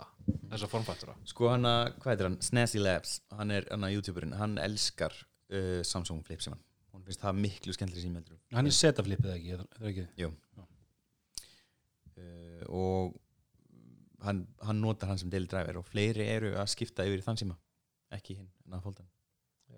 Áhugavert. en fyrsti náttúrulega var náttúrulega aðri hræðilegur en að þessi fyrsti fólt Já, Já. ég veit ekki, þú veist Fólk 2 fekk alveg ákt stóma á Verge já, hann er að fá 7.5 Já. og... en emmitt segja sérstaklega að hann er svolítið skrítinn þegar hann er lokaður mm -hmm. hann er það er stóra þungur já, Já, Poco X3 Xiaomi ný, ringdu flagskip síminn til þetta skoði bakið hringdu sem er ekki ofmert hérna, netverið ekki teknarins Já, hann er reyndar rétt bannaði að minna þá, ringið hann hins vegar samt eh. uh, bakið á þessum síma er óheyrilega ljótt Bjarni Pokofón já já, það er óheyrilega ljótt í miðjunni frá toppi til táar er eitthvað svona roughness, eitthvað svona hvað, hvað var ekki alltaf, svona áferð og svo er hann sléttur hægur og vinstra menn við það já, og svo er eitthvað svaka linsu pakkið hana í miðjunni og það er hringur í einhverjum linsu statífið svo úst, kemur svona upphækkað svona, og linsunum koma út og það eru, það eru það er ein stór linsa í miðjunni svo er, eru tvær sikur megin nema öru megin er flassin ekki linsa eða, þú veist, það var bara Þetta er svaka sími sko. Þetta er alltaf annar að keppa við OnePlus Nord, eða ekki? Jú, Jú, þetta er svona næstu Svona- því flagskip Ég, þetta er svolítið svona iPhone SN algunum, sko, þú ert með góða íhlutið það sem skiptir máli. Það er með góða mörkjara, þannig að hann er alveg að fara að duga þær eitthvað tíma og er öflur í dag. Góð myndið, var ekki, var ekki síðasti Pokémon var alveg rosalega illa byggð, þú veist, svona body var rosalega típ, Var það? já, þú veist, en, en, en allt annað var nokkuð, er, er þetta ekki bara einhverju sjámi símar rýbrandaðir? Er þetta ekki Xiaomi? Jú, veist, en þetta er bara þetta er annað sími sem er til, sem heitir bara eitthvað annað, M9 Já, eða- já, þú já, já, veist, ég skil þig eitthvað svo svo er hann bara eitthvað neginn breytar eitthvað smálutum Heitar ekki Mi eins og allt frá Xiaomi en Pokémon náttúrulega er sér brand eða ekki Jú, Alveg svo OnePlus er, er millan bara batteri í þessu Það er einn hérna, áhrifaldur sem að við erum að fylgja sem að hérna, ég þetta hérna, áhrifaldur sem að var mjög ánæg með henni síma í sumar, eða þess að Poco X2 vantalega, hver er það? hver er það? Enski? oh my god Ef við að fylgja honum Erum við ekki að fylgja honum? Nei, í alveg Allavega, hann var mjög ánæg með sinn Poco X2 borgaði hann fyrir hann eða? Já, hann gerði það Já, fór í samstæð með hringdu Nei, hann, hann hérna setja silent allir Sko, ég er að fá tilkynningar á iPadin og það er kveikt á Do Not Disturb og það er lækkað í voluminu er þetta, er þetta samt- fyrst, fyrsta lagarpið þetta? Þetta er iPad Í alveg, já, sjáðu þetta bara, það er ekkert voljum Þetta er, við heyrðum bara í hljóðinu Já. já. þetta er betan Já. hérna þetta er mj- mjög góð kaup hann er hvað kostar hann ekki 80 skall eða 70 skall Pocophone? já, hérna. 200 pund Nei, er þetta ekki bara eitthvað 50 skall? Hann er Ég held 199 eurur ég held að hann hafi verið á, á Nei, ég er bara með gamli Pokémon ég held að hann hafi verið á einhvern 80 skall hann var hérna, eða 69,9 Hann ekki, já, nær 60 okkar Hann var á einhverju djóklá verði Hérna, Snapdragon 7 series af örgjurum, hvernig er það? uh, Yfir til þín, Elmar uh, Snapdragon 7 línan er svona aðeins betur en 6 línan sem hefur verið sett í midrange símana og ég held að hún sé að fæðast þetta 5G -inu. Þú veist þessi, þetta nafn Já, já Er þetta ekki- og þetta er svona er þetta ekki svona næstu í flags, flagskiplínan? þetta er samt eila bara svona aðeins upptjúnuð 6a En var ekki Skil það rétt. Pocophone fyr- þessi fyrsti með tókulega öflum örkjara? Pocophone F1 hana sem var frekar vinsæll sem er ennþá í sölu á 49.990 eða eitthvað ehm, Eða Poco M2? hann var með Snapdragon 845 Já, hann var með tókulega örkjara. Já, ok Stendur samt hérna í fréttinni No 5G connection Connectivity, meni ég já, ég veit ekki En það er ekki, en það er eins og það er hann ekki með Ég held að- stokk andru, töldur hann með þessu MIUI 11. ég held að, ég held að 5G mótum kosti 199 eurur sko næstum því. það er ekki til hann að verðbill Ekki úr lefur. segur út fyrir Ávei að, að lera þess, þá farið díl. ég mitt okay. Hvort vil ég tala fyrst um næsta Xbox eða ólítistangir? Næsta Xbox. Næsta Xbox Það er alveg frétt Það er alveg rétt Báða leiki fyrir þetta samt. Já, bæði leikjörður Það er fínt að enda þetta á tveimur leikjörðum En, Enda Enda þetta, hvað meinarðu? Tíu síður eftir að dasgrunni. Heri, já, ok, tökum ég, hérna tökum Xbox Series X nei, Series S hvað er það Bjarni? e, Það er svona eh, eins, Ef ég skildi rétt þá er þetta minni þess að Series S er minni heldur en Series X sem er svona flagskips Xbox tölvan sem er að fara að koma út Next Gen. Next gen, já sem er Næsta sem ekki kynnslóð komin út Hún er ekki komin út Ég verið nóvumber og það er búið að tilkynna hann aðra Já, Já. þetta er í rauninni bara Xbox Series X Lite Já, já, Þú veist, Hún er í rauninni minni, þú veist, hún er Er ekki- 60% minni sem er alveg Að slatti. rosa mikið koma báðar út 10. november e, Já, Já, ég sko bara svona tíma. Ok, þannig að Hún stöðurkjöfnin við PlayStation er búinn núna Þannig Nei, nú- núna nú- er bara að vera að býða eftir múinu frá Playstation Já, ég er að segja það, það bara sé light útgáfa af Playstation Sko, í það pípunum. átt að koma digital útgáfa sem var ekki með hérna, drefi drifinu sem að þessi er ekki með drifi mm -hmm. og hún er miklu minni hún er líka aðeins léttar, þú veist, hún er aðeins velbúnaðarlega verri þú veist, hún er ekki með 4K gaming hún Ég er mun hún með, er kraftminni en PlayStation 4 Pro. sko. Mhm. en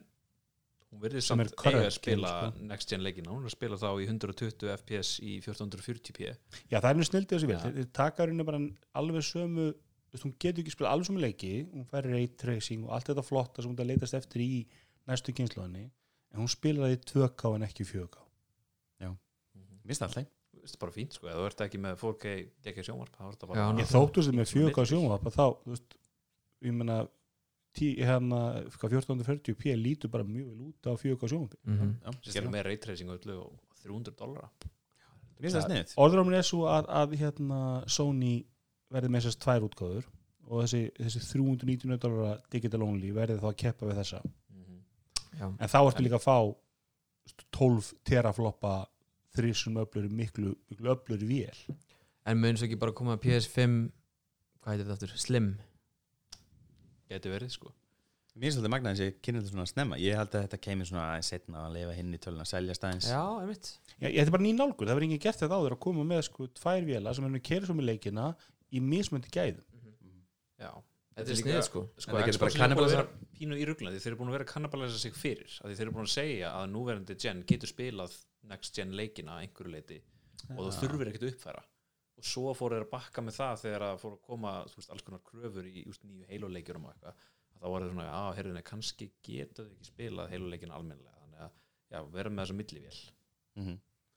en eitt sem er líka mjög áhugavert með, eins og ég var að tala með hann hérna Xbox Game Pass áðan sem að bara úr með subscription service fyrir töluleiki að þú getur fengið sitt uh, Xbox All Access sem að er þá færður sitt Xbox og Windows hérna, leikina og tölvu þá færður basically Xbox One S eða X og skuldbindur því í tvö ár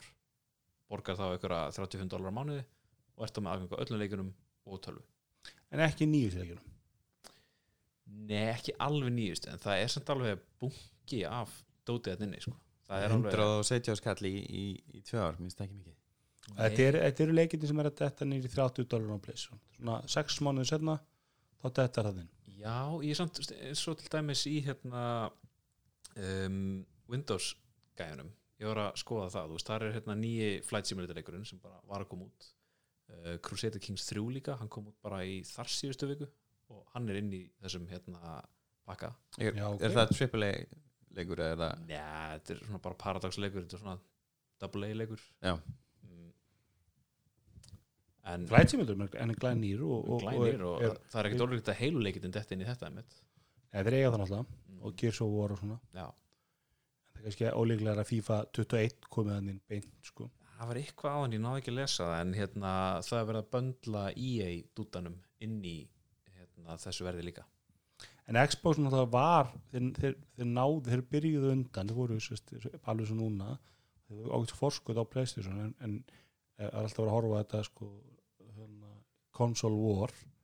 að þá vann Sony þetta console warinni, þeir seldu flestar tölvur og, og lang arðbærasta talvan, Playstation 4 alveg klárt mál og þeir, eru, hérna, leikinni sem þeir eru með exclusive á Sony eru miklu betri já, já, klálega bara, þú veist, Sony hefur nokkra indie Microsoft Studio leiki svo eru þið með Halo, Gears of War búið That's it, já. Ég, ég átti oft allar þrjár tölvurnar, Nintendo, Sony og Microsoft en, en ég, og ég skoðaði bara hvað eru Xbox exclusive leikinni sem ég ætti, ætti bara að spila þá var bara ekki svo sem ég langaði að prófa er einhver nýlega gísu vor? Já, að fimm eða ekki jú, fimm. en hins að ég verið að ég geti borg 5 dólar á mánuð og fengi aðganga alls konar leikið sem ég ekkert nefnt að spila væri til að spila nýju, þú veist, ég hef ekki spila mikið af þessum nýju Call of Duty leikinu með þess fyrir 5 dólar á mánuði reynsu upp einhverju gamla leiki Já, mikið af þessum leikið sem voru Xbox exclusive eru komin á PC núna þannig að eins og heiluleikirnir og Gears of War og þetta. Fyrir mitt leiti þá bögga mig að það sé eitthvað sem heitir exclusive leikur Já, Keppið en frekar gæði með plattformi og, og veist- rólegur komin það böggar mig líka rosa mikið að ég get ekki hort á allt á Netflix okkur er ekki bara svo pralin eða það er, þú veist að e, þetta er samt eins og að segja að það böggar mig ekki mikið að hérna, get ekki horta á Netflix á Samsung sjónvarpinu mínu, þú veist, eh, þú veist, Netflix er klálega þjónusta sko en Xbox er tölva sem Já. getur alveg spila leikina það er Ég- ég alveg meina, sé- óþarfi að hafa sérstaklega exclusive þegar leiki. Xbox og Playstation er basically bara sama x86 PC tölvum sko. Já, veist, fyrir mér að heyra, þú veist, að vantar hennar góða exclusive leiki, ok, það er það bara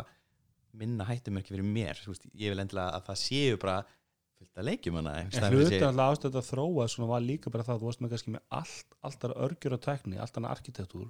ég meina að Sony var eins og Playstation 2 og 3 ykkur er risk örgjur sem var mjög flókið að programma fyrir, að það var það bara döldu flókið að fara á tvö plattform fyrir lítið stúdíu Já. og, en núna er þetta bara þú veist, miklu, miklu einfaldara þess vegna ég lifi líka tíma þar sem að þetta er alltaf besti tíma þegar að PC kemur af því að þú ert að fá alla konsolleikin á PC sem það ekkert alltaf komið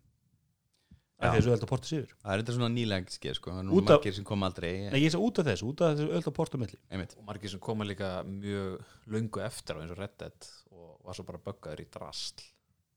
já, á hérna PC en Já, það það er bökkar að PC já, Hann hann er- er hræðilegur vilja með hann Þið getið pantað Xbox Series X eða Xbox Series S sem er minni tölvan 22. september sem er þriði dagur Ég ætla að skjóta inn í leikjahotni Já. tegnafnsins áður en fyrir mig sjónansveit fyrir alla að hérna, ég kefti mig leika föstudaginn sem heitir Tony Hawk Pro Skater 1 og 2 Já. á Já. pleysa þau við líka veistla Allir miðaldra menn er að spila þennan leik núna. Herru, við skulum spila það núna á heimilinu nýjara dóttir mín, hún bara gerir, gerir öll trikkin og, og elskar hann leik þetta gegn hoppar mellir Animal Crossing og, og þetta er bara svo Þetta æðislegur að tala um og svo- dóttiðin sem er rústa okkur í Counter-Strike Nei, það var, það var eldri dóttir mín sem, að- sem að, og Já, kæristinn já. hennar að spila Nei, hún er, hún er natural í Counter En hérna, nei, þetta er æðislega leikur og, og hann er svolítið djúpt, bara 50 dólar og maður svona eiginlega bú með hann á þrem dögum eða eitthvað en það er svo ótrúlega mikið replayability og það sem að ég er svo ánægur að sjá er að það er split screen two player Er það? Ég var einmitt Já. að finna og opna, hvernig gerir það? ekki hugmynd, ég á ekki leikin en ég var bara Já, var ok, Ég var einmitt að reyna að fá það í gegn af því að við var alltaf að slást um töluna Mhm. En æðislega leikur, bara svona en þegar þú fyndi í minningunni þá leit hann svona út Svo horfði ég eitthvað á YouTube þegar sína bera saman og bara shit, hvað þetta var lélega grafik Hann er alltaf að pleysa í svona eitt eða ekki Herru, eins brelli fréttina Doom keirir á óléttustöng já, maður,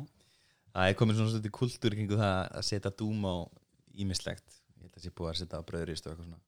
gegn tíðina Og- en það tókst þess að, að setja e, dúm og spilan á þessari digital óleitustöng sem ég er búin að vera að taka hringin á Twitter og hefur verið mjög vinsæl það var sérst einhver sem hérna var að kynna sér þessar óleitustangir sem eru digital og þá reyðar í sundur og kemur í ljós að, að það er bara venjuleg óleitupröfa undir og þetta eru bara einhverjar svona ljósadíður sem lesa fyrir þig, svona innfarröðar hvort að þú sért óleitt eða ekki og bara búið að pakka þessu inn í eitthvað plast og svo Eða þess setja- að niðurstaðan kemur á skjá Já, og svo þetta þýðir þessi ljósið þetta fyrir ekki mörgjörun og byrtir eitthvað á skjánum eitthvað þú veit og letið ekki. Ég la, las, nú- við- las nú ekki veitina, eitthvað, heyrði ykkur um podcast eitthvað að þetta væri, þess að það notaði annan örgjör, var það rétt? Annan örgjör á. Notaði ekki örgjörun á, á Óléttu. óléttuprófinu já, ég fannst þess að heyrta en ég er ekki, er ekki að segja Já, þess að, það sé bara að vera að nota skjáin. var ég bara út á skjá, en ég man ekki hvort það var þannig, en, en, en, en var gaman eitthvað reikni, það myndi mega sens það var alltaf bluetooth í óléttuprófi og þú veist, hann tengi liklaborð við óléttuprófi það eru öðsbyttingi þessu eða ekki? En það pældi Þú samt er að ekki hvað öll það fyndi óleitur á að, mjög spytiki. Einmitt. spyndi, ekki þannig sem þetta virkar pældi hvað það fyndi að það er meiri reikning getið í ólítu prófuna heldur en tölunum sem kom okkur á tunglið. Mhm. Einmitt Herru, förum yfir í IFA fréttir Hvað er klukkan? Er, Við erum svolítið tefið, þetta verður að vera speedrun. Já, tökum speedrun Hérna IFA fréttir uh, IFA sem er tekni ráðstefna opin almenningi er það ekki í Berlín Það hörður hafa farið Bókal. Bókalega. Hún var svolítið ekki haldin er er það ekki réttið mér Þetta var bara eitthvað svona allt virtual Jó, endala. það Eh. uh, voru samt alls konar viðbörður og dóttir í einmitt, já, á netinu og Já, já Þetta Eh, er okkur stór svona, já, teknir ástefna í Berlín. Já, já, það er alls konar hérna, það eru fartölur og einhverju símar og eitthvað, dót um, Fannst ykkur eitthvað merkilegt þarna? e, aðalega bara Nvidia Já, ég myndi segja Nvidia og Intel það verið svona stærst þarna já, Nvidia eiginlega bara stál svolítið Já. þjónu sko Hvað er það? Uh, RTX 3000 Series uh, 8K gaming í 60 fps og þrjú skjákort og það ódýrasta var á hvað, 299 eða eitthvað álíka dollara og er tölvist betra heldur en 2000 línan sem er núna Þannig Já. að- Já, bæði Svona- betri og miklu ódurinn. já, þú veist Þannig að að- þú ert að fá hvað, 30, 70 að minna, nei 30, 80 minna en 20, 70 kostu Mhm. þetta er alveg game changer fyrir PC Master Race Mhm. fólkið Mhm. Svo er þessi hérna Puri Care, hérna Face mask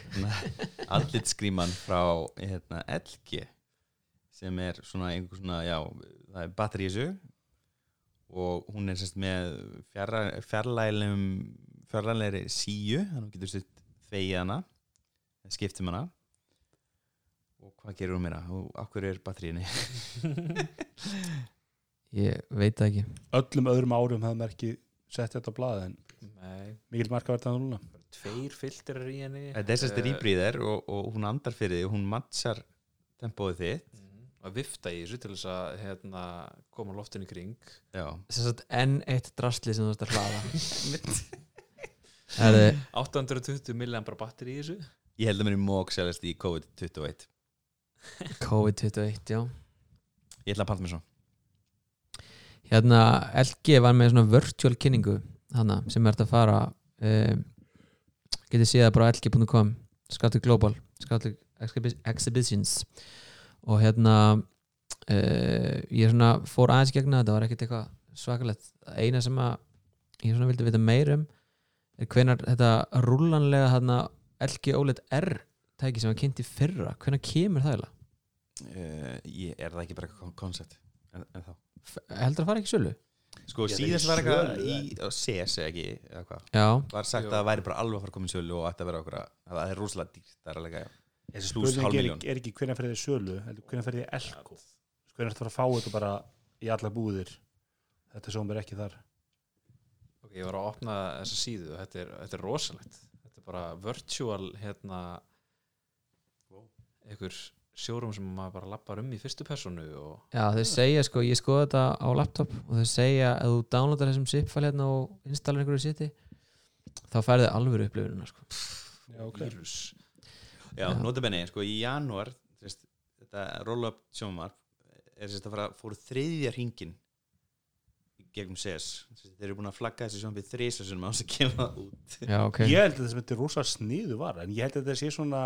svona milla sjónabið þú setur Já, þetta upp í þetta er loftið 60 eða það. í snekkjun eða eitthvað, þetta er eitthvað svona customization vara Já, þú Kostar sér bara- líka sko í öllum kynningavítum þá er þetta alltaf sko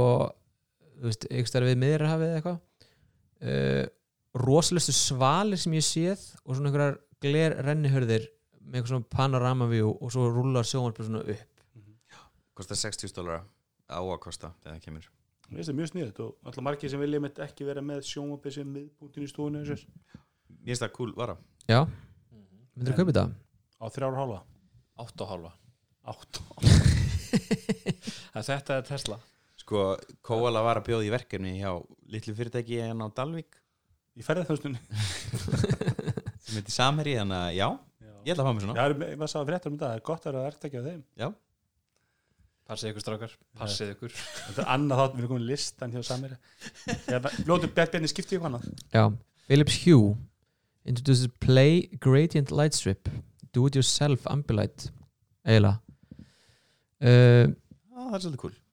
Já, en þarf ekki að vera með Philips Jóhansamt Nei, Nei, það er komið svona sér kassi sem er bara eitthvað, eitthvað Raspberry Pi Það eitthvað er þetta sem þú Ah, svolítið bara cool. tengir inn, á, inn í sjónvarpið Mér finnst það þú sniðið, ég sá tengir hérna hátíði með það ekki Jú. Þeir hafa verið með svona áður þar sem þú tengir sérst hátíði með snúrunni í eitthvað box frá þeim og þá talar það við hjú ljósinni Mhm. Philips Hue Sync Box Já. Er þetta ekki bara eitthvað svona box eins og allar þessar hérna gáttir eitthvað þetta heitir fyrir hérna uh, Philips Hue hérna Brúin og brúin er orðið sem ég var að leita Það var til plöggin fyrir, það var til plöggin fyrir kóti sem gerði það sko. Tók bara signalið og, og svo Já, sko ok. með lett strip en ég er bara maður sem vill ekki fá ljós fyrir aftan sjónum mitt Akkur ekki, þetta er immersive, þetta er geggjað Nei, mér finnst það alveg hræðilegt Sko ég var, eh, ég er með Philips sjónvarp og ég var með kveitt á þessu og ég var ekki, ok, þetta er cool, prófum þetta Svo var ég að horfa á, ég man ekki hvað var Mindhunter eða eitthvað, það var atriða sem var viðtal, með tvekja aðala uh, annar var með hvítum bakgrunni og hinn með svartum bakgrunni og það skiptist alltaf á milli setninga bara hræðilegt og ég fekk bara flóakast Nei, Ég var með, ég var með ég megin þetta ekki sko svona ambilætt sjóðan mér veist þetta kostur, ég myndi ekkert ég myndi, ég myndi hafa kveikt á þessu, ég var með svona sko.